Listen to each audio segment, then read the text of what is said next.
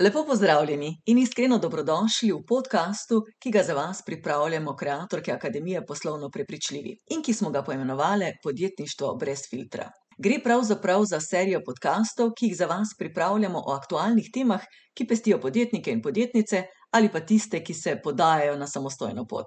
Z vami smo Katja Breznik Stepčevič, Simona Lečnik Očko, Petra Kmetec Bitenc in Anita Mlakar, podjetnice in strokovnjakinje na svojih področjih. Ali si kot podjetnice in podjetniki znate postaviti svojo ceno? Ali je ta odvisna od izkušenj in kilometrine? Kaj ima s postavitvijo cene naša samozavest in to, koliko verjamemo v svoje storitve in produkte? Kdaj vemo, da je naša cena prenizka ali celo previsoka? O postavljanju naše cene, cene naših storitev in produktov, o tem govorimo v tokratnem podkastu. Pozdravljeni! Živijo, živijo. Da smo spet na kupu, zato da danes ponovno malo pametujemo. In odkrivamo tančico naslednje teme, današnja tema pa nosi naslov: hm, Postavljanje cene. Mm, vse smo malo zabavna vsebina. Različne občutke imamo ob tem. Um, jaz sem pripričana, da sem zdaj kar greble, katera bo kaj povedala. Hecam se, ne? verjetno malo razmisleka je potrebnega v začetku, kaj zdaj sploh reči na to temo. Zato z veseljem jaz besedo predajam eni izmed vas. Dobro, da pa začnimo. Simona. Ko smo se punce dogovarjali, o čem bi govorile, to je ena taka tema, se mi zdi kot en taki oblaček, nam je vštem nad, nad, nad, nad glavo in dejansko se vsi s tem soočamo, vsi, ki smo v podjetniških vodah. Je pa razlika, pardon, če se sprašujemo o tej tematiki na začetku naše podjetniške poti, ali pa recimo danes sme, ko bomo tukaj malce čvekale, tako da že v začetku je po moje treba to uh, kar jasno komunicirati, da je razlika. Uh, če se vrnem, zdaj, ker vedno govorimo skozi svoje lastne izkušnje, pa če se vrnem jaz na moj začetek, uh, se spomnim, koliko krat sem razmišljala, preden sem kakšno ponudbo poslala. Včasih po cel dan, včasih nisem mogla spati zaradi tega, pa sem razmišljala, joj, če dam malce več, me sigurno ne bodo izbrali, dam rajši malce manj, pa ziher je ziher. Pa... Hm, sicer na koncu nekako ugotovimo vsi mi, da za to pot, za katero smo se odločili, dejansko bi počeli vse tudi brezplačno, torej pro bono, zato ker imamo dejansko rade to, kar delamo. Ampak pridemo do točke, ko se odločimo za ta življenjski stil in potrebujemo denar, tako kot vsi ostali, da preživimo. Uh, mi vse štiri se sicer ukvarjamo s prodajo storitev, več ali manj. No, naša Katja ima tudi včasih kakšen fantastičen produkt, ampak sicer pa prodajamo storitve, torej prodajamo naše znanje, prodajamo naš um. Zdaj, kako se vse specificirati? Um, jaz vem, da moja prva srečanja pred leti so bila, ja, ne vem, bi vas najeli za tri ure. Aha, torej razmišljanje naročnika je, oni bi mene plačali za tiste tri ure. V tistih treh urah jaz njim izlijem vse znanje, ki sem ga leta in leta nabirala, izkušnje, ki se leta in leta nabirajo, denar, ki sem ga vlagala v lastne izobraževanje in tako naprej. In, aha, oni bi pa meni plačali za tiste tri ure. Mi nismo uh, tapetari, mi nismo keramičari, zelo težko se storitvena dejavnost vrednoti. Količinsko, ne moreš tehtati znanja, ne moreš ga dati na tehnico, ko kupiš kilo banan, je razlika. In vedno smo nekako, vsaj v začetku, kako, zakaj. In prideš do točke, ko brez strahu, samo zavestno postavi svojo ceno. Traja, da pridemo do tega, vse to je moja izkušnja, ni takoj na začetku, to zdaj pa stojim za tem, tudi če me ne boste izbrali, aj potem me bo pa nekdo drug. Do tega razmišljanja je vsaj nekaj let pri meni trajalo, da ni bilo te skrbi. Um, in ravno zadnjič, zdaj sem se spomnila, sem prebrala eno zanimivo misel, je en ekonomist iz Harvarda dal s tem podjetnikom na svet, ki se glasi: Če v 90 odstotkih naročniki izberejo tako ponudbo, kot ste jo poslali, ste prepoceni. Če vas v 90 odstotkih zavrnejo, ni z vašo ponudbo nič narobe, oziroma z vami, ker niste dobro ponudbo sestavili, ne ciljate svoje publike, ne podcenjujte svojega znanja. Tako da jaz mislim, da vsi tisti, ki se ukvarjamo s storitveno dejavnostjo in imamo znanje, ki ga nekdo nekje potrebuje, se bodo našle tudi stranke, ki bodo z veseljem to plačale, ker cenijo to, kar me imamo. Pot do tja je pa zagotovo Ja, smo se vse soočali s tem. Tako da, ne, Katja, ti mi povej, kako si ti na začetku in danes. Ne odkimavaj, ne odkimavaj. Um, ejoj. Ok, se vem, kje naj začnem. Um, meni je še danes ceno postaviti eden večjih izzivov um, nasploh. Tako da um, Mene je v bistvu moj Andrej, moj mož, večinoma brcal glede tega in mi govoril, da pač treba bo nekaj narediti na tej, na tej točki. Pač delaš več, kot si mogoče prej delala, pa imaš pač manj, tako da pač ne, nisi se za to odločila, da greš v podjetništvo. Um, ampak jaz sem na začetku imela precej nižje cene, kot jih imam zdaj. Pa še zdaj vem, da določene stvari pri meni so res ugodne in si jih lahko vsak, ki želi, pač tudi um, omogoči. Uh, tako da vem, da bi še lahko pač določene stvari dvignila. Največji izziv, da dobro, zdaj pri tečajih, pa delavnicah, pa pri teh stvarih sem pač postopoma dvigovala. Recimo, moja prva stori delavnica, ki je trajala tri tedne, je bila cena takrat 47 evrov, eh, pa za tisto skupino na osebo. Potem sem pa prišla do tega, da je bila 147 evrov na osebo eh, v pač določenem času, pa še, še to bi lahko bila pač višja cena, ker vem, kaj so pač nekateri dobili. Ravno včeraj je ena gospa prišla do mene na enem srečanju in rekla: Veš, da z tvoje stori delavnice naprej, jaz že vsa leta delam storije. Tako da pač vem, koliko to nje doprinese za njen biznis. Um, kje pa je, ampak ok, to sem postopoma dvigovala, kje pa je bil največji izziv, je bil pa glede planerja ko si prej rekla, glede fizičnega produkta, ker tam pa moraš upoštevati, ker jaz imam, jaz imam vse, pač nimam pošte posebej, je treba poštnino, je treba oblikovalko, je treba lektorja, je treba moj čas, je treba znanje, ki ga dam notri, je treba potem tisk upoštevati in recimo. Marketinški planer v redni je pač prodaja je bil 49 evrov, jaz od tega sem dobila nekje 15 evrov na komat. Ne. Tako da pač toliko enih drugih stroškov, ko potem vse ostalo odšteješ in tu vidim tudi, ko sama delam s podjetniki, da dosti krat si postavimo tako nizko ceno, da potem dejansko delamo z minusom, pa sploh ne vemo, da delamo z minusom. Ne. Prvo leto, recimo, sem ga jaz prodajala za 35 evrov, tako da sem bila na, na nuli, ne. pa še potem nekaj jih podarim, pa vse to pač na koncu.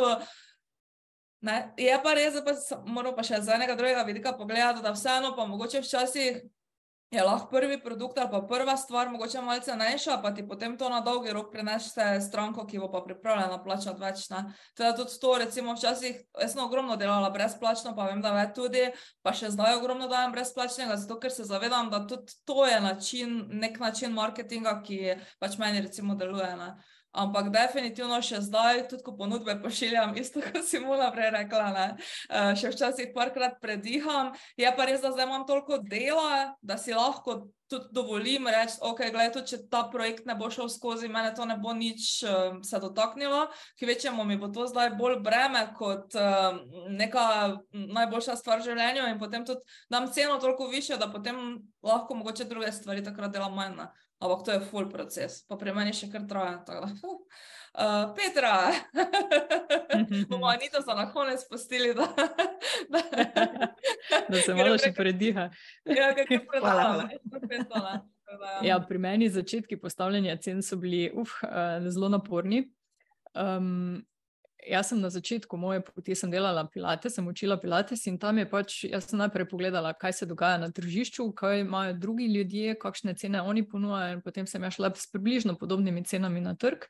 Um, in sem šele kasneje, ko sem postala soverena v to, kaj delam, ko sem videla, da stranke so, sem začela počasi cene dvigovati.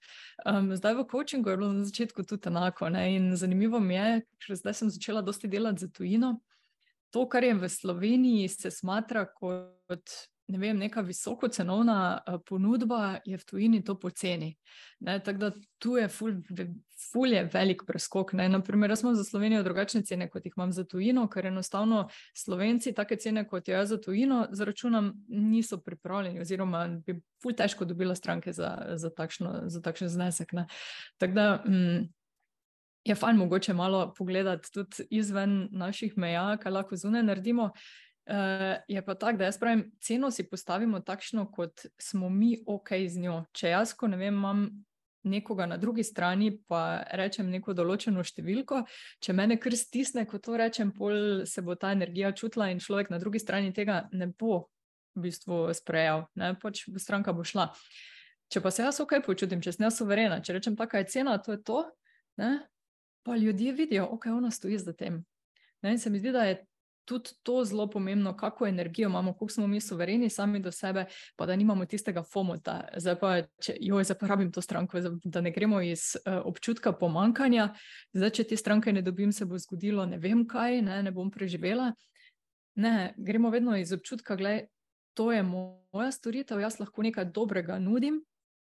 In ljudje, ki to kupujejo, vejo, zakaj so tukaj da v bistvu njim izboljšamo življenje. Pa je to, ali je to glede naših storitev, ki jih mi delamo, ker doprinesemo nekaj zraven, ali je to kak fizični izdelek, ki ga prodajamo, zmeraj ljudje nekaj dobijo od tega.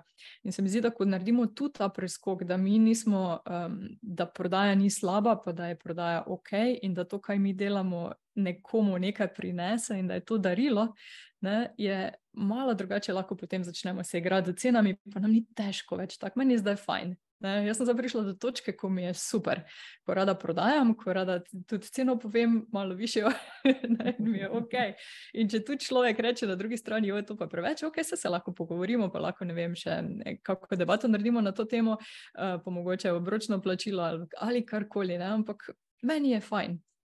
In tudi zelo raje delam zdaj, ko pa zaprej, ko sem delala za nek drugiš, ne? ker mi je bilo tako, jo za pa to delam, pa pol na koncu meseca ne veš, ali boš prišel skozi ali ne boš prišel skozi, ker v bistvu obračunamo uro, tako kot je Simona rekla, ne obračunamo pa pol svojega nekega znanja, pa svojega truda, pa svojega vložka, pa še vsega tega izobraževanja, ki ga dajemo zraven in posvečamo res svoj čas in svoj, svojo energijo. No, ter, tako da Ja, je, postane lahkotno po nekaj časa, ampak pri meni jaz sem morala fejs delati na svojem uh, money mindset, da sem prišla do tega, pa razrešiti mnogo katero blokado, ki jo imam glede denarja, ki sem jo imela glede denarja.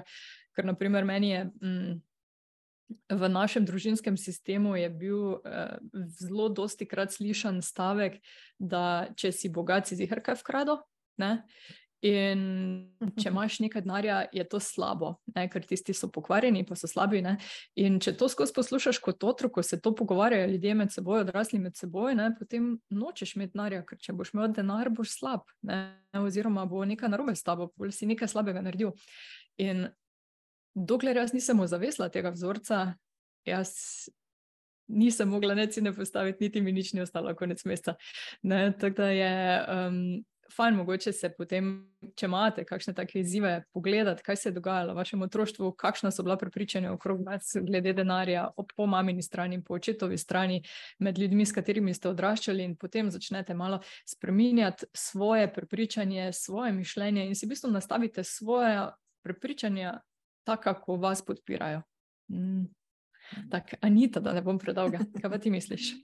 Jaz sem tako vesela, da imamo Petro v naši skupini tudi, ki nam bo pomagala razbijati te vzorce, ker je res veliko zakoreninjenega in mogoče nezavednega. Ampak zdaj, ko si omenila, jaz sem pripričana, da smo se vsi našli v tem. Ne? S tem, kako smo pravzaprav rasli in kako so nas vzgajali, glede denarja, ali na vzgor ali na vzdolj. In res sem vesela, da ste bile pred mano, ker jaz sem res zdaj od vsake začutila nekaj. Jaz mislim, da je zgodba ne, postavljanja cene skoraj pri vseh enaka, ko, se, ko začnemo. In potem, seveda, je odvisno, kako zgradimo to samo podobo, da lahko, seveda, tudi ceno postavljamo. In tu se mi zdi zelo pomembno, da vse se začne pri nas samih. Jaz vedno pravim, ko gradimo svojo prepoznavnost, da je pomembno to, kdo, da se zavedamo, kdo pravzaprav smo in kaj so naše storitve in naši produkti in kakšno je naše znanje. In če se mi sami zaljubimo v to, kar počnemo, se pravi, da verjamemo, da je to naša zgodba, potem se seveda bodo v to zaljubili tudi drugi. In to pomeni, da bomo tudi samozavestno potem ne govorili samo o svojih storitvah, ampak tudi postavljali ceno. V začetku, ne, ker kaj je zanimivo, da kdorkoli nas zdaj posluša, pa je na začetku si tak misli, ja, ne, ampak do tja je treba priti. In jaz sem imela podobna razmišljanja.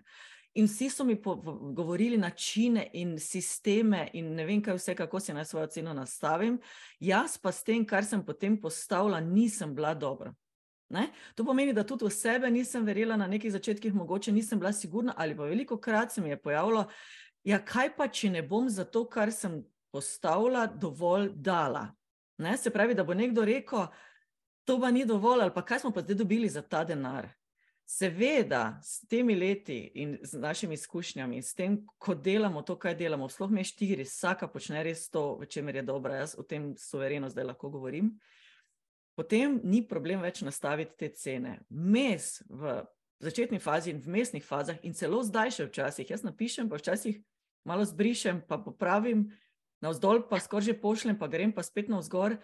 Takrat nisi dober sam s sabo. Oziroma, kdaj sem jaz dobra, ko napišem ceno, postavim in si rečem, uh, ok, tu če ne dobim, je čisto vseeno, ker imam.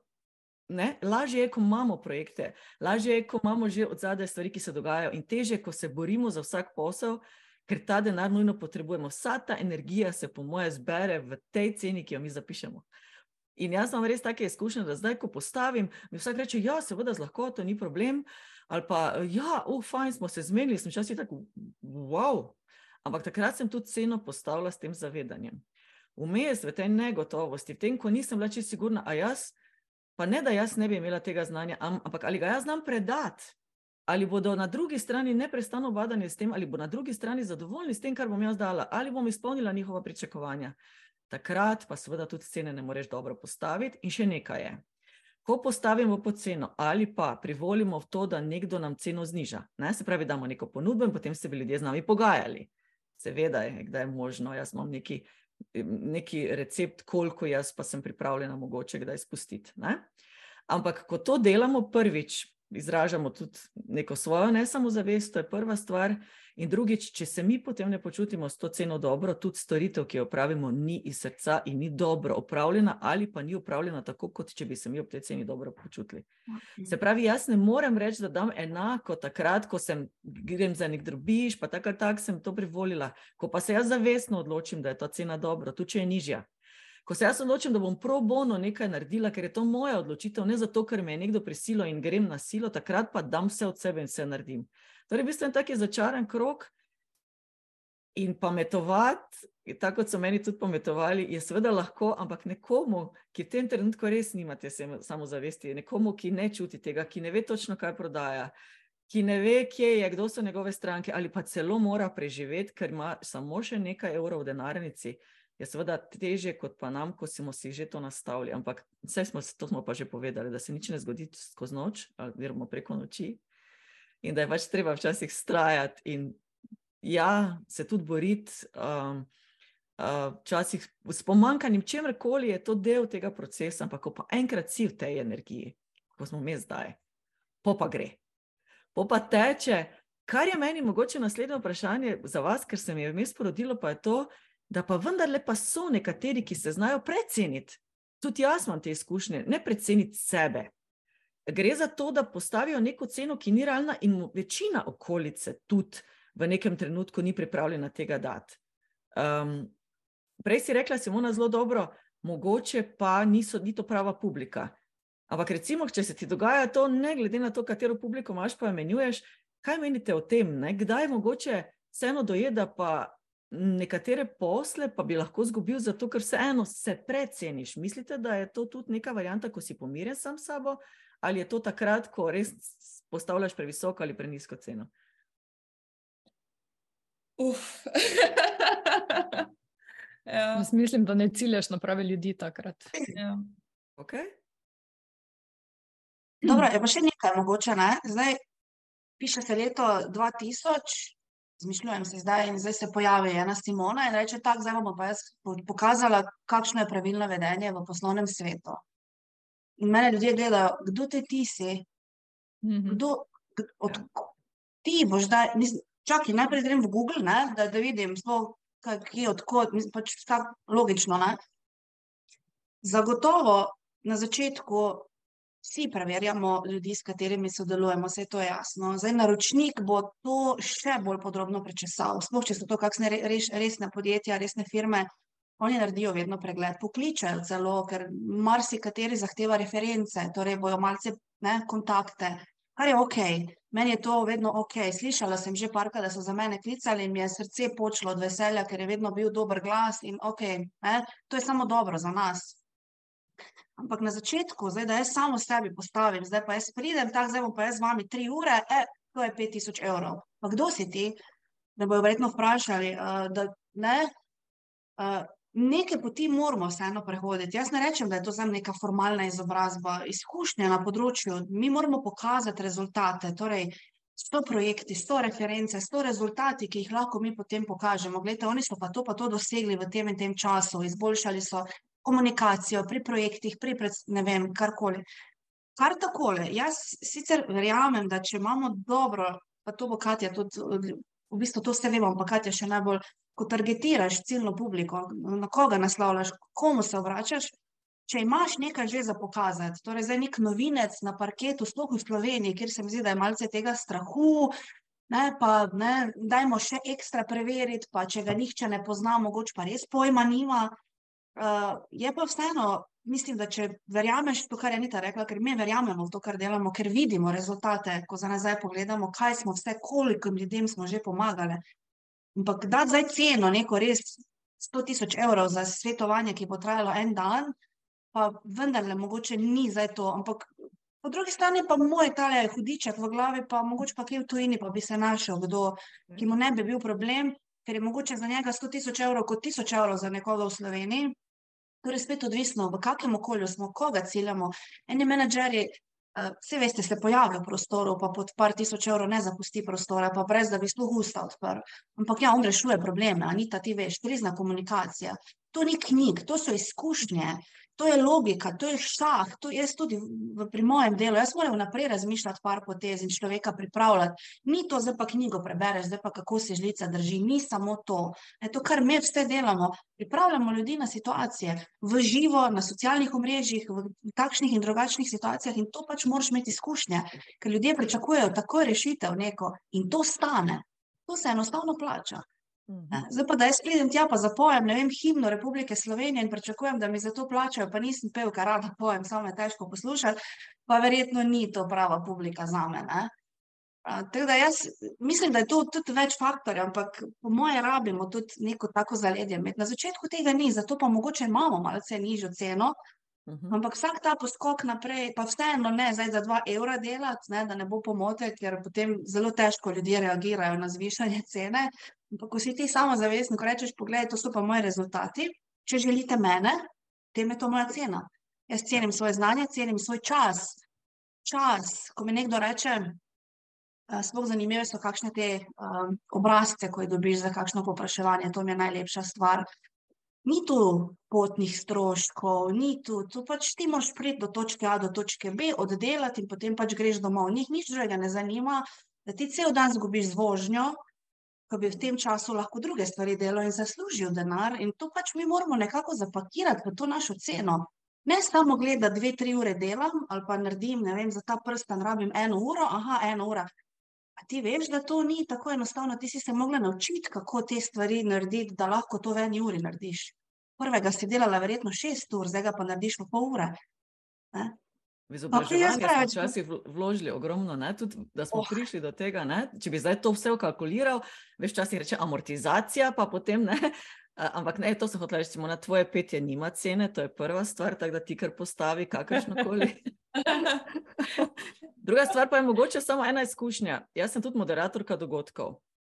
In um, včasih mi kdo reče, v začetku sem začela seveda za neke smešne cene, ker meni se zdi to lahko. Ne? Se pravi, jaz pridem na oder, povem, moje to delo, jaz javno nastopanje, učim in jaz pač pridem in to naredim, in smisla pa ne morem za to zakasirati toliko, če pa je to samo pol ure. Ampak koliko je zdaj teh ljudi, ki to lahko počne, suvereno stopi in seveda nekaj odmoderira. Potem sem začela razmišljati na ta način. Potem, seveda, tudi, da se moram urediti, da se moram obleči, da moram k frizerju, da moram k vizažistki, karkoli. Se pravi, tu je nekaj, kar kalkuliraš, prid do tja, potem seveda svoje znanje. In še vedno se mi dogaja, po tolikih letih, torej 20 let že to počnem, da mi nekdo reče: Veste, kaj bi vas potrebovali za moderacijo, ampak vsaj samo 10 minut, vse to ni neka ja, cena. Ja. Meni je vseeno, ali sem jaz na odru 10 minut ali eno uro pa pol, ker predpriprava do tega je enaka Ne? In tukaj, ko, ti mislim, ko si ti miren s tem, pa rečeš ne, hvala. Poglejte, če vi ne razumete, vi lahko kogarkoli zdaj tukaj vzamete. Zakaj ste se za mene odločili? Ker imam izkušnje, ker vam je všeč, kako se obnašam na odru, recimo, in znam to delati, suvereno, tudi včasih kaj Um, da vem, uh, mi, mi smo res včasih mojstri improvizacije. Ne? Improliga včasih, ne? ker nekdo si nekaj izmisli v zadnjem trenutku. Ali pa ne vem, so prišli ljudje, ki so imeli trikrat nižjo ceno, pa so imena na robe, niso se pripravili, karkoli, ni pomembno, ampak to je moja. Ni treba, hvala lepa, vse veste. Ne? Je gotovo kdo drug, ki vam bo to naredil, in takrat si ti. Ja, je pa treba priti. Ja, Tako je Simona rekla, rabiš neko ekspertizo, rabiš neko prepoznavnost na trgu. Ker brez tega, jaz mislim, da ne gre. Dokler nismo mi prepoznani, dokler ljudje ne se ne spomnijo, tako da je to, to je Simona, ne, si bolj težko neko ful visoko ceno postaviš. Ko pa enkrat te poznajo, pa je ok. In Anita, na tebe bi se še navezala, preko si rekla, da znižamo cene. Uh, sem bila na predavanju od enega poslovnega koča in je rekel, ok, ko jaz to slišim, rečem samo, lahko dam višjo. Ne? In se ljudje omaknejo, se ustavijo in rečejo, ok, vredno plačam. Um, tako da tudi to mogoče, ne? koliko si pustimo iti niže, vedno lahko više ceno postavimo. to mi je bilo taka, taki aha trenutek, da lahko pa dam više ceno. Um, pa še nekaj, kar jaz opažam pri strankah, s katerimi delam da zelo enačijo sebe kot svojo lastno vrednost z svojimi storitvami ali produkti. In dokler se jaz navezujem, ok, jaz sem toliko vredna in jaz bom zdaj tako ceno postavila, bo ful težko verjetno ceno postaviti. Ne, ali bomo šli previsoko, ali bomo šli prenisko. Ponavadi ljudje grejo prenisko, ker se ne cenijo dovolj. Um, ko pa razumemo enkrat, da naš produkt je produkt, to nismo mi, to, ni, to nisem jaz. Ne? Pa je mnogo lažje potem to ceno postaviti. Ker hmm. na drugačen način ni to del mene, ni to moja lastna vrednost. To je pač nekaj, kar naredim in to lahko spremenjam, to lahko izboljšujem, to lahko razdelam. In je mnogo lažje potem to ceno postaviti.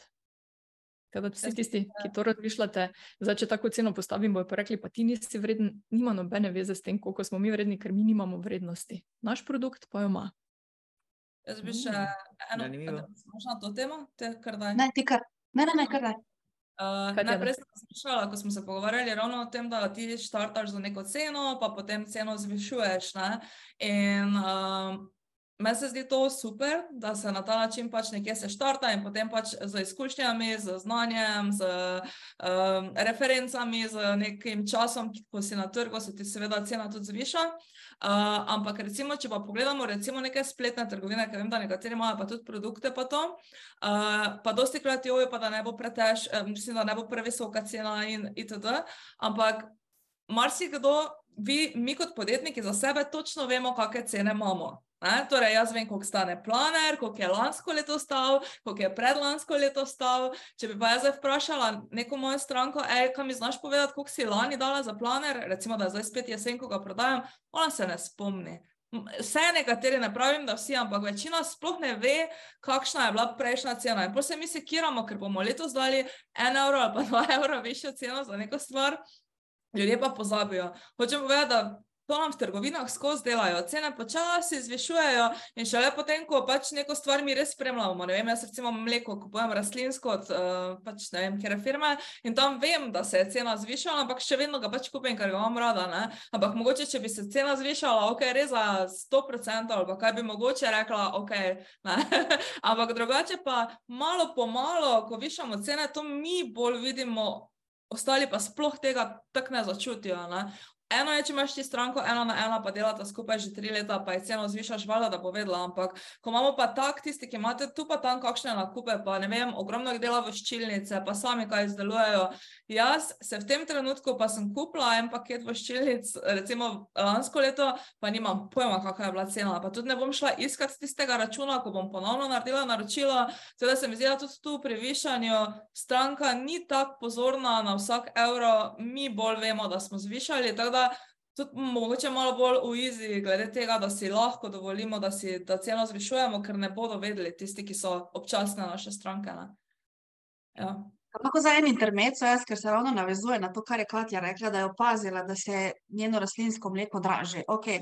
S tem nam je jasno, v zadnjih nekaj mesecih, kaj se dogaja na trgu, z inflacijo in podobno. In res me zanima, zdaj vas tri sprašujem, ali ste tudi vi, glede na to, da se je življenje absolutno podražilo na vseh nivojih, ste tudi vi, ne vem, zadnje pol leta povišali storitve, eh, ceno vajnih vaših storitev ali ostala ista, kot je bila? Ja, sem. Um, jaz nisem povišala zaradi tega, uh, jaz enostavno, uh, veš, tudi s- storitev, tudi s tem, ko dodajaš nekaj, veš, tukaj potem pač višamo, glede na te stvari. Oziroma, recimo, da v zadnjih dveh, treh letih je ta cena šla počasi gor. Ampak, ko smo ravno pri tej temi, ki si Katja rekla, jaz sem imela zdaj kar nekaj svetovanj, ker gre za komunikacijo, kako zdaj dvigniti cene in to povedati, seveda, svojim strankam oziroma poslovnim partnerjem. Mi imamo včasih poslovne partnerje, s katerimi sodelujemo in seveda um, imamo nek odnos, se pravi, on nekaj za mene naredi in imamo neko ceno. In zdaj se je vse to tudi začelo višati in to so res eh, naše najbolj. Torej, najbolj pomembne javnosti, ne? z njimi sodelujemo pri strankah, ko dvigujemo ceno, seveda je to neka posledica inflacije naših storitev, česar koli pač, naših proizvodov, eh, naraščanja cen osnovnih storitev, kar mislim pač, ne vem, kaj imamo sestavin. Pri, pri poslovnih partnerjih pa enostavno je treba skomunicirati, da pač zdaj več ni enaka cena tega, kar sem ti do zdaj delala, ker se je tudi vse na trgu spremenilo. In neke stvari mi lahko zapakiramo v ceno, kot je Katja rekla, pa ljudje sploh opazijo ali pa ne. Tukaj pa recimo smo imeli en primer, kjer so se zdaj dvignile cene celo za 80 ali pa 50 odstotkov, se vse skupaj dvignilo. To je neverjetno, s čim se ljudje soočajo. In kako naj zdaj to skomunicirajo? Jaz bi tukaj samo rekla, ceno boste dvignili zaradi tega, ker trg to zahteva. In ker se boste tudi vi, seveda, s tem dobro počutili. Ampak iskrena komunikacija, transparentna, ena na ena, ne zdaj sem napisati, naslednji mesec bomo pa dvignili cene za, za 30 odstotkov, pa bodo vsi padli na rit. Vzamite si čas, pojdite k ljudem, vzamite si čas za kavico, za kosilo, razložite jim, zakaj. Bodite od- iskreni, odkriti, povejte, kaj se dogaja, in mogoče celo rečete tako, eh, res, da bi zdaj mogla ceno dvigniti za 50 odstotkov, ampak recimo, dajmo postopoma, zdaj 30, potem 20 in tako naprej. In ko so ljudje to naredili, tudi eno podjetje, ker sem pač to jim svetovala, je prišla zdaj ravno obratno informacijo, a veš, kako so dobro sprejeli.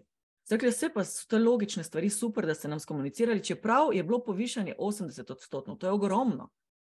Ne? Ampak vsi vedo, zakaj tudi pri njih so se storitve povišale. Torej, ni to tako grozno, potem pa skriva nekdo, pa ne upa, pa potem sem tiho.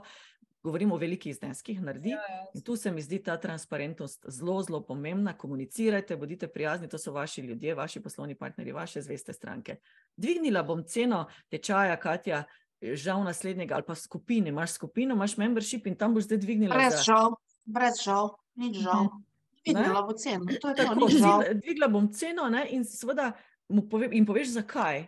In potem ljudje, ki želijo to tvojo storitev, bo tako tako dali. Karkoli jaz tudi vidim pri proizvodih, jaz še vedno kupujem te iste proizvode, pa so dražji. Še vedno jih kupujem, ker verjamem v njih in ker jih potrebujem. Če pa jih ne potrebujem, pa grem rečem ne, hvala. pa Ne, to je preveč. Ne? Bolje. Mm, Tu bi se jaz navezala na Anito. Hvala, Anita. Eh, Ko si rekla, da je treba biti zelo transparenten, se absolutno strinjam s tem. Je pa fule razlika, ali ljudje gredo iz pozicije šibkosti v to in zagovarjajo, zakaj so dvignili ceno, ali pa iz neke pozicije moči. Jaz sem že doživela, ko sem šla k eni znanki na nek, neko zadevo in je ona začela, ja, veš, moram imeti tako ceno, ker porabim toliko časa za to, pa je to, pa vse to, pa so one sestavine. Mene je kar minilo, da bi še bila tam, ker se mi je zdelo, da, da v bistvu se ona meni opravičuje, zakaj je za taka cena, in sem imela občutek, da v bistvu sploh ne želi tega delati, ker je muka. Ne? Ampak resni, v resnici ona ful uživa v tem, ampak samo ne zna skomunicirati. Je ne samo zavestna pri tej svoji ceni, zakaj, zakaj jo postavi. No, po mojem, je malo previsoka cena za njeno um, storitev, ki jo dela, ampak ok.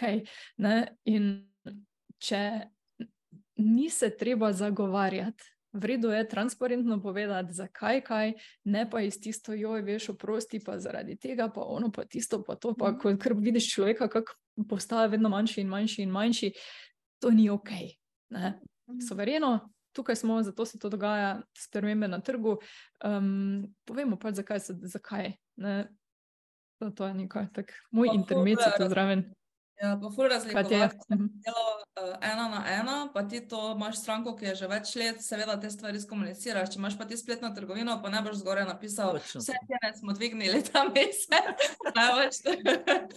Ali pa tudi recimo, če za nove stranke lahko vedno damo višjo ceno, ne? pač vedno lahko potem dvignemo ceno. To, če recimo imamo pa stranke, ki so z nami že leta in leta, je pa tudi ok, da pustimo kakšno ceno, ker nam pa mogoče dajo kakšne druge stvari. Jaz imam recimo stranko, s katero delamo že tri leta in že tri leta imamo isto ceno za svetovanje, zato ker so pa druge stvari, jaz se z njenim procesom učim, preko nje dobim kar precej novih strank in potem se rečem, gledaj, pač imam ogromno enih plusov, ki ni zdaj nujno, mislim, ni mi to vredno, da njej povišam ceno, kot pa so neke druge stvari. Da, samo to mogoče malo razločevati, da ni zdaj nujno povišati tudi ne cena, ali ni za onega občutka, da pa vse je šlo, kar za pa tudi moram. Glej, pač če je vam ok, spet se odločaš pač na, na podlagi. Ja, evo si mola izvoli.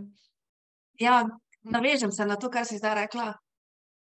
Govorim v svojem imenu, ampak boste potrdili ali pa tudi ne odločimo se tudi na tej naši podjetniški poti za kakšna sodelovanja, ki mogoče na prvo žogo, pa ne govorim zdaj individualnem svetovanju, ampak kakšen projekt, takšen in drugačen, pa gledaš tiste cifre, pa si misliš, jo je samo, je malo malo, ne? vseeno bi malce bilo treba.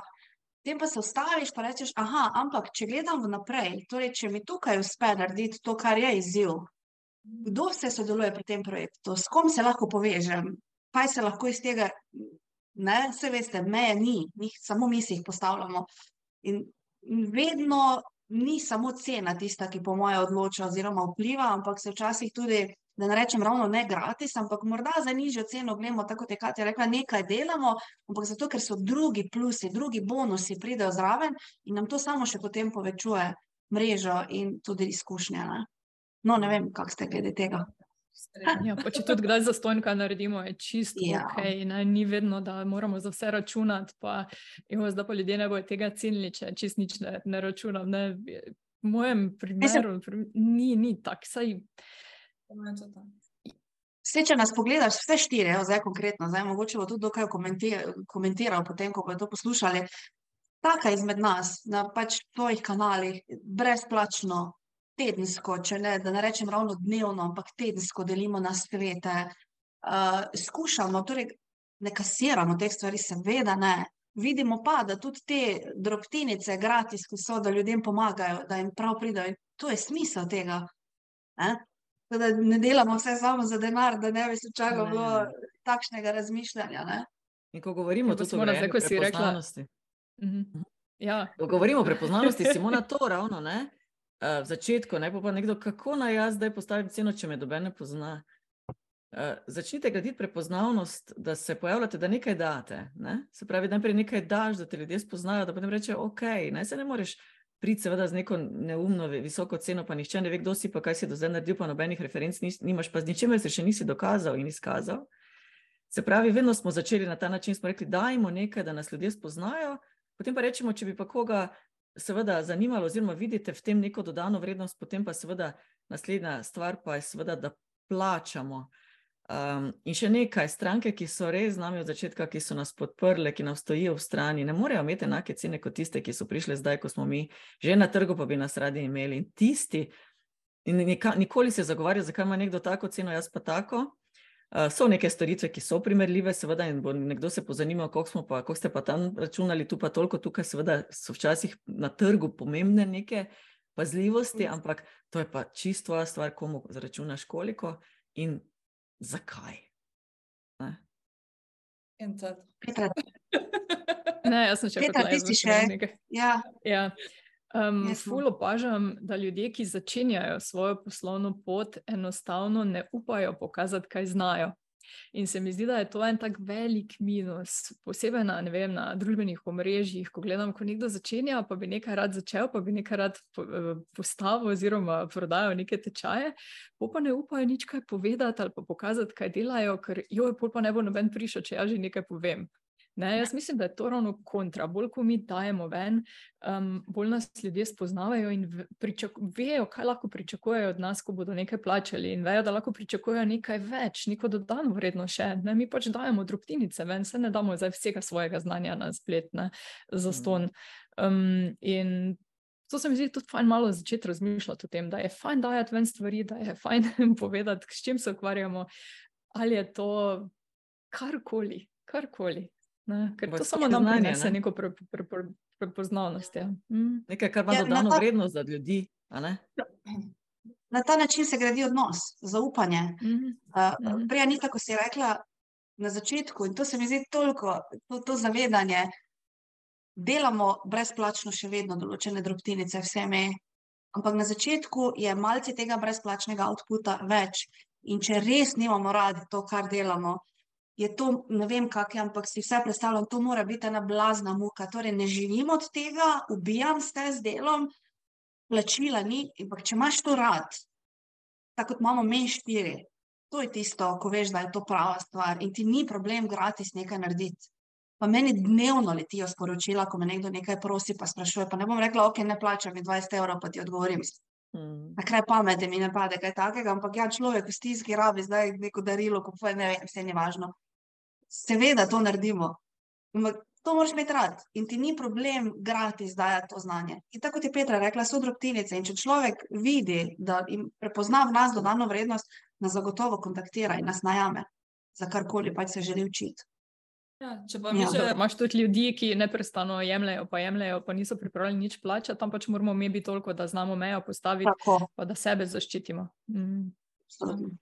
Je pa tako, da če naša brezplačna vsebina ne bo kvalitetna, ne bojo nikoli plačali. Je tako. Ja, In ja. potem, potem ljudje dajo, recimo, veliko krat, kar se mi zdi napaka, to sem že videla, povabijo na neko izobraževanje, povedo samo do neke točke, pa rečejo, če pa želite vedeti več, pa boste plačali. Tisto, kar date, mora imeti uporabno vrednost. Lahko nadgradijo, potem pa se prijavijo v vaše tečaje, karkoli, ampak to, kar date, mora imeti eh, torej rep in glavo, da si s tistim, v tistem trenutku že lahko nekaj naredi, če slučajno nima v tem trenutku denarja, da bi ne pa da ga na pol pustiš, uh, pol, na pol golega, jaz pravim, pa ga pošleš na cesto. Ne? In kar je naše vodilo punce, ko smo se zbrali, ko smo začeli delati, se spomnite, ni bil. Mi smo rekli, ne, mi bomo zato, da bomo dali nekaj. Ne? Seveda smo potem kakšno izobraževanje, ker je enostavno se je pojavila potreba in ljudje so sami prosili, če lahko damo več. Ampak naše osnovno vodilo, se pravi, nas pozitivk, oziroma tudi zdaj skupine poslovno prepričljivi, ki je še vedno brezplačna, ne, da, ne moreš pričakovati, da bomo zdaj mi se razgaljali, ker imamo vsaka svoje, ampak dajemo nekaj, kar vam lahko pomaga, tudi kot je ta podcast, kar vam mogoče lahko pomaga v razmišljanju.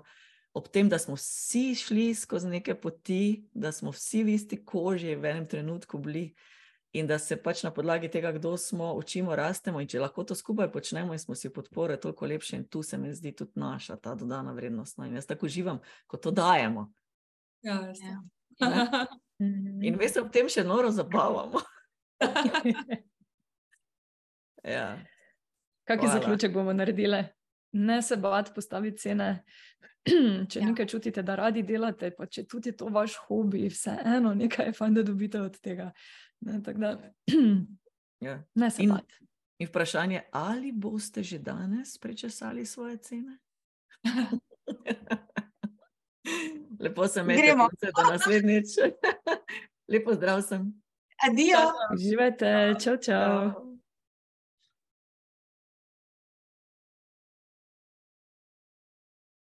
Kaj se to bo meni vrzala, samo da vidim, ki se to ugasne.